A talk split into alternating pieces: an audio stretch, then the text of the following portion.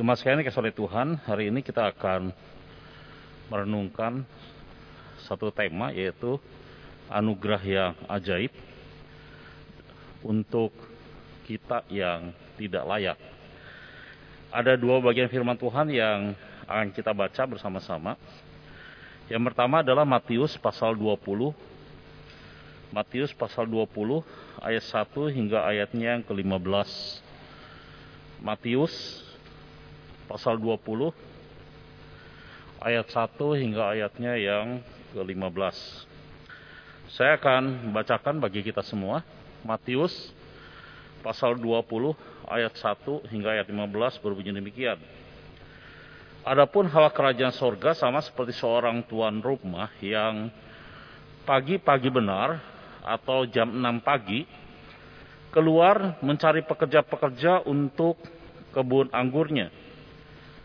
Setelah ia sepakat dengan pekerja-pekerja itu mengenai upah sedinar sehari, ini adalah upah minimum, ia menyuruh mereka ke kebun anggurnya Kira-kira pukul 9 pagi ia keluar pula dan dilihatnya ada orang lagi, orang-orang lain, perhatikan ini, orang-orang lain menganggur di pasar. Katanya kepada mereka, pergi jugalah kamu ke kebun anggurku dan apa yang pantas akan kuberikan kepadamu dan mereka pun pergi. Kira-kira pukul 12 dan pukul 3 petang, ia keluar pula dan melakukan sama seperti tadi. Kira-kira pukul 5 petang, ia keluar lagi dan mendapati orang-orang lain pula. Lalu katanya kepada mereka, mengapa kamu menganggur saja di sini sepanjang hari? Kata mereka kepadanya, karena tidak ada orang yang mengupah kami. Katanya kepada mereka, pergi jugalah kamu ke kebun anggurku. Ketika hari malam, atau kira-kira jam 6 sore, tuan itu berkata kepada mandurnya, Panggillah pekerja-pekerja itu dan bayarlah upah mereka mulai dengan mereka yang masuk terakhir hingga mereka yang masuk terdahulu. Maka datanglah mereka yang mulai bekerja kira-kira pukul 5 dan mereka menerima masing-masing satu dinar sesuai dengan kesepakatan.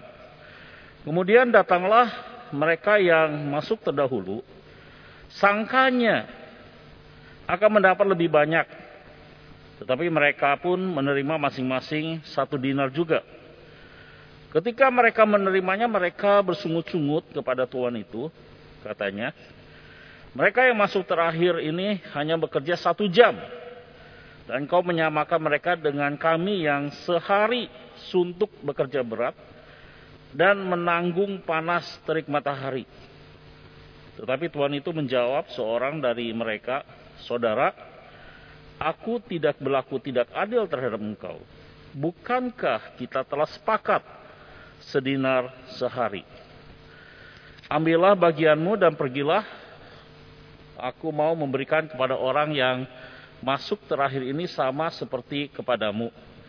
Tidakkah aku bebas mempergunakan milikku menurut kehendak hatiku atau iri hatikah engkau? karena aku murah hati. Satu bagian firman lagi. Satu Timotius. Satu Timotius pasalnya yang pertama. Satu Timotius pasal yang pertama. Ayat 13 hingga ayatnya ke-16. Satu Timotius Surat Paulus yang pertama kepada Timotius, satu Timotius pasal yang pertama ayatnya yang ke-13 hingga ayatnya ke-15 berbunyi demikian. Aku yaitu Paulus yang tadinya seorang penghujat dan seorang penganiaya dan seorang ganas tetapi aku telah dikasihinya, dikasihaninya karena semuanya itu telah kulakukan tanpa pengetahuan yaitu di luar iman. Malah kasih karunia Tuhan kita itu telah dikaruniakan dengan limpahnya kepadaku dengan iman dan kasih dalam Kristus Yesus. Perkataan ini benar dan patut diterima sepenuhnya. Kristus Yesus datang ke dunia untuk menyelamatkan orang berdosa. Dan di antara mereka akulah yang paling berdosa. Tetapi justru karena itu aku dikasihani agar dalam diriku sebagai orang yang paling berdosa, Yesus Kristus menunjukkan seluruh kesabarannya. Dengan demikian, aku menjadi contoh bagi mereka yang kemudian percaya kepadanya dan mendapat hidup yang kekal. Sampai demikian pembacaan firman Tuhan. Bapak Ibu sekalian dikasih oleh Tuhan, pada waktu kita bicara tentang anugerah atau kasih karunia bagi orang-orang yang tidak layak, maka kita sebenarnya harus memahami satu prinsip atau hubungan antara anugerah tersebut dengan ketidaklayakan. Anugerah atau kasih karunia dengan ketidaklayakan itu punya hubungan langsung di mana hubungan itu memberikan satu prinsip rohani yang harus kita pegang, yaitu ini. Anugerah itu akan kita nikmati, akan kita hargai, akan kita syukuri ketika kita merasa tidak layak. Artinya semakin kita tidak layak, semakin kita merasa tidak layak, maka kita akan menjadi orang yang semakin mensyukuri anugerah tersebut. Dan sebaliknya, semakin kita merasa diri kita layak, maka kita akan menganggap anugerah itu sepi dan kita semakin tidak mensyukuri. Sekali lagi, ada satu prinsip rohani yang harus kita pegang yaitu semakin kita merasa diri kita tidak layak di hadapan Tuhan, maka kita akan semakin menjadi orang yang mensyukuri anugerah Tuhan yang Tuhan berikan kepada kita. Bapak Ibu dan Saudara sekalian dikasih oleh Tuhan, inilah yang disampaikan oleh Rasul Paulus kepada Timotius di dalam suratnya 1 Timotius 1 yang tadi kita baca ayat 13 sampai 16. Kalau kita melihat di ayat 15, Paulus berkata, di antara mereka, akulah yang paling berdosa. Di bagian ini Paulus sedang tidak membicarakan tentang dosanya yang belum beres. Di sini juga Paulus sedang tidak membicarakan tentang apakah dia meragukan karya keselamatan dari Tuhan. Tidak. Pada waktu dia mengatakan aku yang paling berdosa, Sesungguhnya Paulus sedang menyampaikan prinsip rohani tadi. Paulus menilai dirinya yang waktu itu adalah seorang rasul. Paulus menilai dirinya sebagai orang berdosa, sesungguhnya dia adalah orang yang tidak layak di hadapan Tuhan. Itu sebabnya ketika dia melayani sebagai seorang rasul, dia merasa pelayanan itu, panggilan itu adalah anugerah yang paling dia syukuri karena dia merasa tidak layak. Jadi Paulus menerapkan satu prinsip yang tadi kita bicarakan sama-sama. Semakin kita merasa tidak layak, maka kita akan semakin menjadi orang yang mensyukuri anugerah Tuhan itu. Paulus merasa dirinya tidak layak karena dia adalah orang yang paling berdosa. Itu sebabnya dia mensyukuri bukan hanya anugerah keselamatan, tapi kesempatan dia melayani sebagai pemberita Injil, dia syukuri itu dan dia anggap itu sebagai anugerah bagi dia yang tidak layak itu. Nah itu sebabnya, Bapak Ibu sekalian kasih oleh Tuhan, dalam kehidupan rohani kita atau dalam kehidupan sehari-hari kita sebagai anak-anak Tuhan, maka kita perlu belajar mengembangkan sikap ketidaklayakan ini. Nah Bapak Ibu sekalian dikasih oleh Tuhan, pada waktu kita bicara tidak layak, memang kadang-kadang kita ini suka mengaburkan arti tidak layak. Kadang-kadang ketika di dalam pelayanan di gereja ketika ada orang dipanggil untuk melayani, kita suka mendengar, ah janganlah saya ini belum layak. Gitu kan. Tapi arti kata tidak layak yang sering kita dengar itu kadang-kadang salah arti. Bukan kadang-kadang, sering kali salah arti. Arti tidak layak itu sering kali kita artikan sebagai takut karena saya takut, karena saya tidak berani, karena saya kurang percaya diri, maka saya tidak layak. Atau karena saya tidak bisa, karena saya tidak mampu, maka saya tidak layak. Nah, konsep ketidaklayakan yang diajarkan Paulus itu bukan itu. Karena Paulus di dalam pelayanannya, dia mengerahkan seluruh kemampuannya untuk Tuhan. Di dalam pelayanannya, pelayanannya dia mengerahkan segala sesuatu yang dia bisa untuk Tuhan. Tapi kenapa dia masih merasa tidak layak? Karena tadi, ketidaklayakan Paulus itu bicara tentang kepemilikan. Paulus menganggap bahwa seluruh hidupnya, seluruh keadaan dirinya Ketika dia dipanggil menjadi percaya dan menjadi pelayan Tuhan, dia menganggap itu semua adalah milik Tuhan. Itu semua adalah pemberian Tuhan. Jadi konsep ketidaklayakan yang diajarkan Paulus itu bicara tentang kepemilikan. Bahwa hidupnya, pelayanannya, semuanya adalah milik Tuhan. Karena dia menganggap itu semuanya ada milik Tuhan, maka dia menganggap dirinya sesungguhnya tidak layak tetapi Tuhan layakkan. Itu sebabnya dia bersyukur. Nah, sekarang kembali ke yang tadi bahwa dalam kehidupan kita sebagai orang percaya, kita perlu mengembangkan sikap ketidaklayakan ini. Ketidaklayakan di hadapan Tuhan. Nah, Bapak Ibu dan Saudara sekalian, untuk mengembangkan sikap ketidaklayakan pasti sangat tidak mudah. Kenapa? Karena kita ini manusia, manusia-manusia yang butuh pengakuan, ini adalah orang-orang yang selalu tergoda justru untuk menganggap diri kita layak.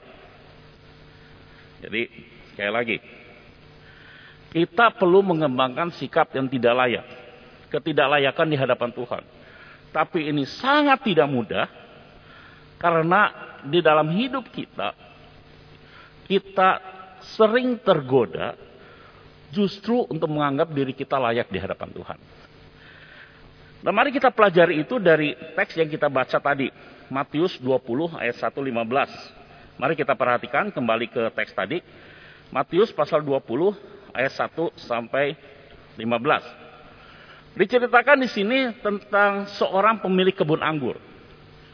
Biasanya memang pemilik kebun anggur ini pagi-pagi sekali jam 6 dia sudah pergi ke tempat keramaian ke pusat kota. Di sana biasanya memang berkumpul para pekerja harian. Di sana ada begitu banyak pekerja harian yang hidupnya memang sangat tergantung pada orang memanggil dia bekerja atau tidak. Kalau ada orang yang memanggil, maka dia akan mendapatkan upah minimum minimal satu dinar untuk membiayai kehidupannya. Tetapi kalau tidak ada yang memanggil, maka pekerja-pekerja itu tidak akan mendapat upah. Artinya begini,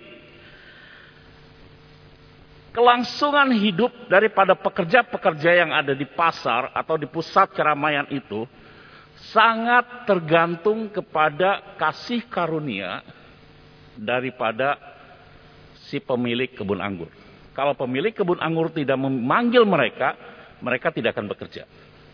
Tetapi kalau ada orang yang memanggil mereka bekerja, maka mereka akan mendapatkan upah dari pekerjaan itu. Nah, jadi jam 6 pagi pergi, pergilah si pemilik kebun anggur ini mencari pekerja-pekerja di sana dan dia menemukan. Lalu kita mencatat sepakat dengan pekerja-pekerja itu mengenai upah satu dinar satu hari upah minimum pada saat itu.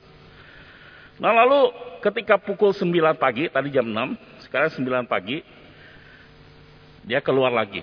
Lalu menemukan orang-orang di sana dan disebutkan di sana orang-orang tersebut menganggur di pasar. Artinya dari jam 6 sampai jam 9 pagi dia menunggu belum ada orang yang memanggil dia untuk bekerja. Lalu dipanggil oleh pemilik kebun anggur ini bekerja di kebun anggurnya dan kesepakatannya sama satu dinar satu hari. Lalu diceritakan di ayatnya yang ketiga, eh ke lima, jam 12 siang dan jam 3 petang, dia pemilik ini pergi ke tempat yang sama, menemukan pekerja-pekerja yang menganggur, artinya dia sudah menunggu seharian, belum ada yang memanggil, bekerja, lalu dipanggil untuk bekerja. Sampai jam 5 petang, si tuan ini pergi ke sana.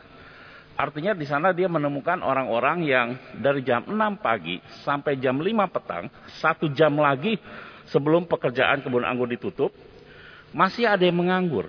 Lalu dipanggil, bekerja dengan upah sama satu dinar satu hari. Artinya, orang-orang ini adalah orang-orang yang sebenarnya tidak layak untuk bekerja. Karena mereka tidak bisa mencari pekerjaan sendiri. Mereka menunggu orang memberi kerja. Jadi ini adalah gambaran orang-orang yang tidak layak. Kalau dia tidak dipanggil, dia tidak bisa bekerja. Ya kan? Lalu ketika dia dipanggil bekerja, artinya dia mendapatkan anugerah. Kalau tidak dipanggil bekerja, maka dia tidak akan mendapatkan uang makan, upah dalam satu hari itu bisa jadi dia tidak bisa memberi makan keluarganya. Jadi kalau dia ada yang memanggil bekerja itu adalah kasih karunia dari si pemilik kebun anggur. Maka mereka bekerja. Nah yang menarik, pada waktu mereka bekerja, jam 6 teng selesai dibagikan upah, semua dikasih sesuai dengan kesepakatan. Satu dinar. Tapi yang menarik adalah orang-orang yang bekerja dari jam 6 pagi, dari jam 9 pagi, dari jam 12 siang, dari jam 3 sore, melihat orang yang bekerja dari jam 5 sore, artinya bekerja satu jam, upahnya sama. Dan akhirnya mereka mulai iri hati, menganggap bahwa itu tidak adil. Karena mereka mulai menghitung orang yang bekerja sejam, satu dinar. Sedangkan orang yang kerja 12 jam, satu dinar juga. Ini tidak adil. Nah, saya ingin kembali ke yang tadi pertama. Orang-orang ini adalah orang-orang yang tidak layak sebenarnya. Jadi kalau seandainya dia tidak diberi pekerjaan, mereka tidak akan bekerja. Tapi karena ada kasih karunia dari pemilik anggur, mereka bekerja.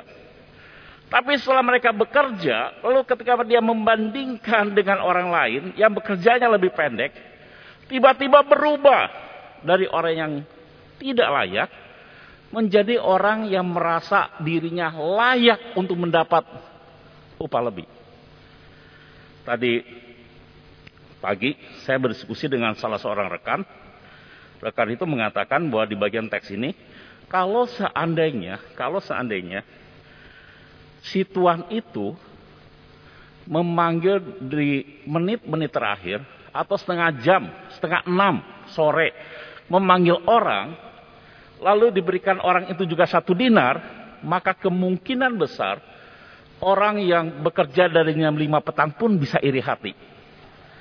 Artinya orang-orang ini yang tadinya tidak layak menerima kasih karunia, lalu berubah menjadi merasa diri layak untuk mendapatkan kredit upah yang lebih dari sang pemilik anggur.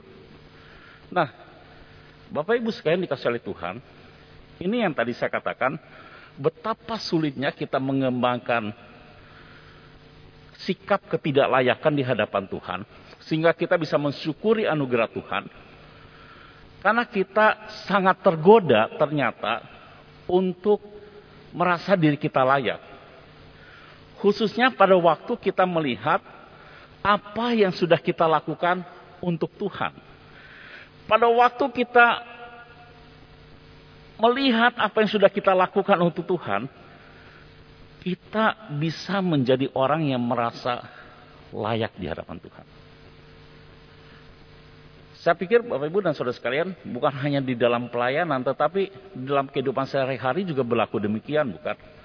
Kita yang sudah berbuat banyak atau yang sudah berbuat terlebih dahulu kadang-kadang kita menjadi orang-orang yang merasa diri layak untuk mendapatkan kredit, penghormatan, kemuliaan dari orang lain.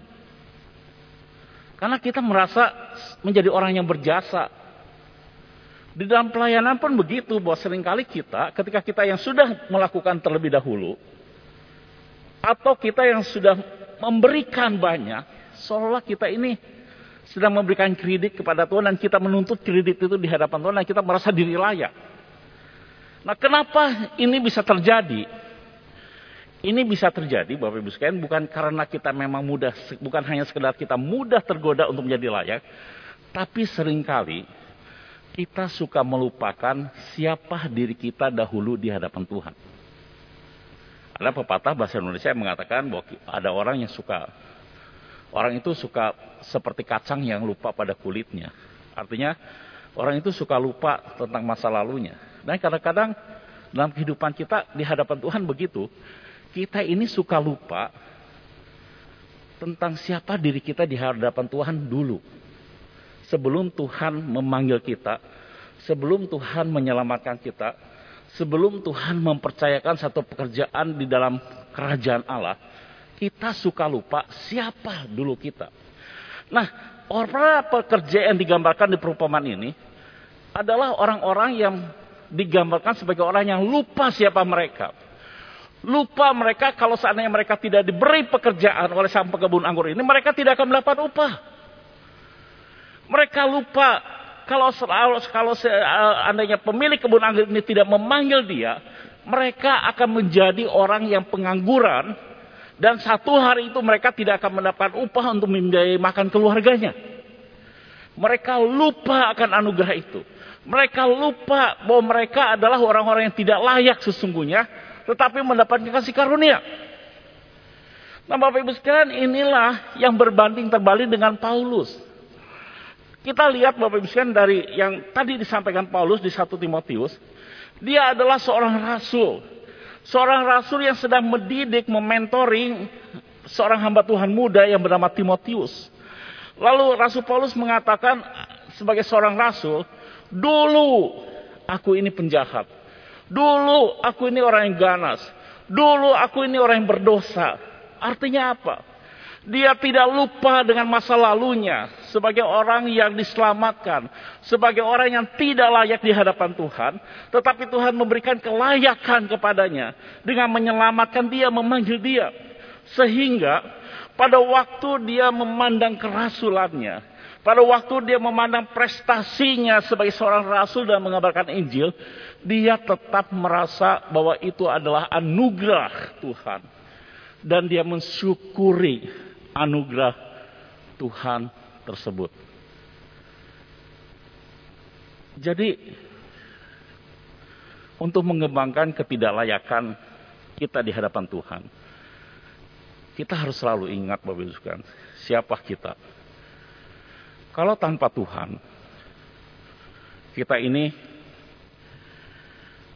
mungkin binasa. Betul kita punya potensi. Betul kita punya kemampuan, Bapak sekalian. Betul di dalam pekerjaan Tuhan kita sudah melakukan banyak hal. Tapi kalau tanpa Tuhan yang menyelamatkan kita, tanpa Tuhan yang memanggil kita untuk melayani di dalam kerajaannya, kita ini tetap bukan siapa-siapa. Hanya karena Tuhanlah yang memberi anugerah pada kita, menyelamatkan kita, mengizinkan kita untuk melayani, itu yang membuat kita saat ini ada dan bekerja di dalam kerajaan Allah, di dalam ladang Tuhan. Kita ini bukan siapa-siapa. Nah memang sekali lagi Bapak Ibu sekalian, kita ini manusia yang suka tergoda untuk menganggap diri layak di hadapan Tuhan. Terlebih kalau kita sudah melakukan banyak hal.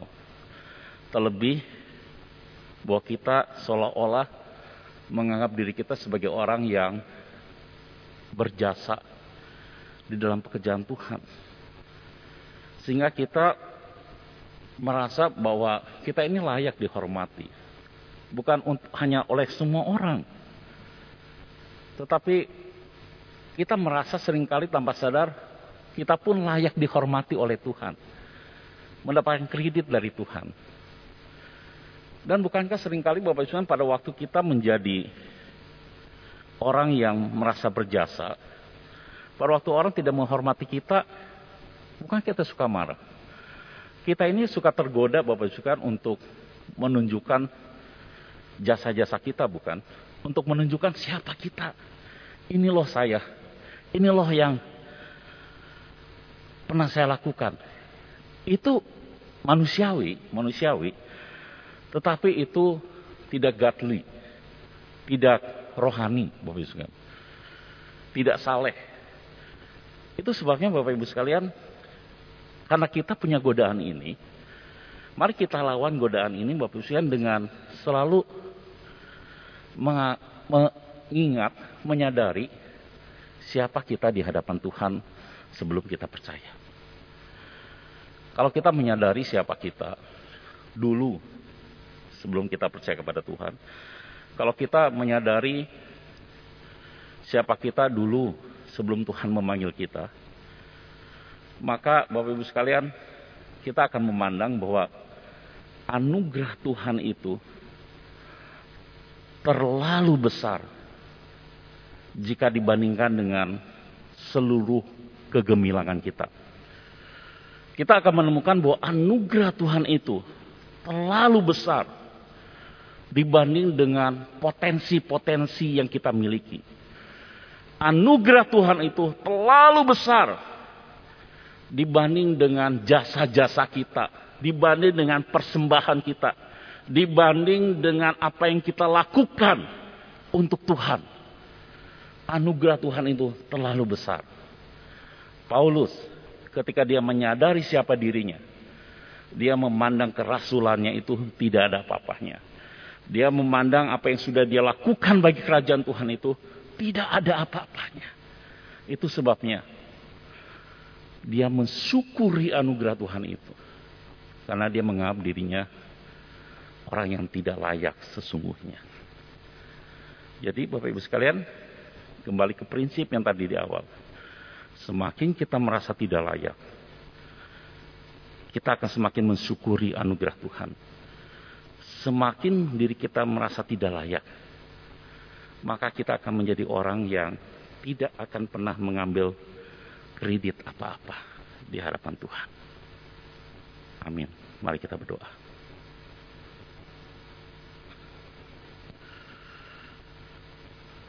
Tuhan, kami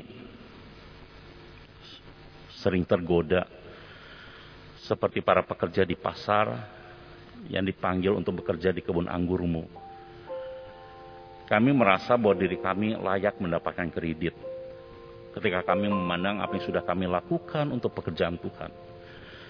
Ketika kami memandang persembahan yang telah kami berikan untuk pekerjaan Tuhan Ketika kami memandang kerja keras kami untuk Tuhan. Ketika kami memandang seluruh yang sudah kami lakukan dalam pekerjaan Tuhan.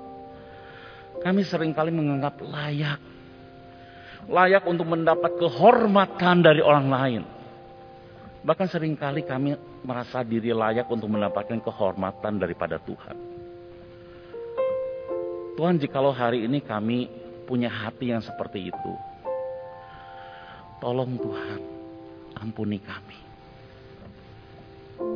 Dan ajalah kami boleh menjadi seperti Paulus yang memandang bahwa kerasulannya, kerja kerasnya dalam pengembaraan Injil, dia anggap itu tidak ada apa-apanya dibanding anugerah Tuhan yang sudah Tuhan berikan pada dia dia yang harusnya binasa sebagai orang yang penganiaya jemaat, sebagai orang yang membenci kekristenan. Ya sebagai orang yang harusnya dihukum oleh Tuhan. Tapi dia mendapatkan anugerah daripada Tuhan. Dia memandang anugerah itu sangat besar. Itu sebabnya Tuhan. Pada waktu kami melayani Tuhan, pada waktu kami hidup di tengah-tengah dunia ini, biarlah kami boleh selalu ingat. Kami hidup karena anugerah Tuhan. Kami mampu karena anugerah Tuhan. Kami bisa melakukan semuanya itu juga anugerah Tuhan. Sehingga kami tidak merasa kami harus mendapatkan kredit dari Tuhan. Tapi justru yang harus kami lakukan adalah kami mau bersyukur di hadapan Tuhan untuk segala anugerah yang Tuhan berikan pada kami. Terima kasih Tuhan untuk benar firman Tuhan ini. Dan untuk Tuhan Yesus kami berdoa. Amin. Selamat malam. Kebaktian doa selesai.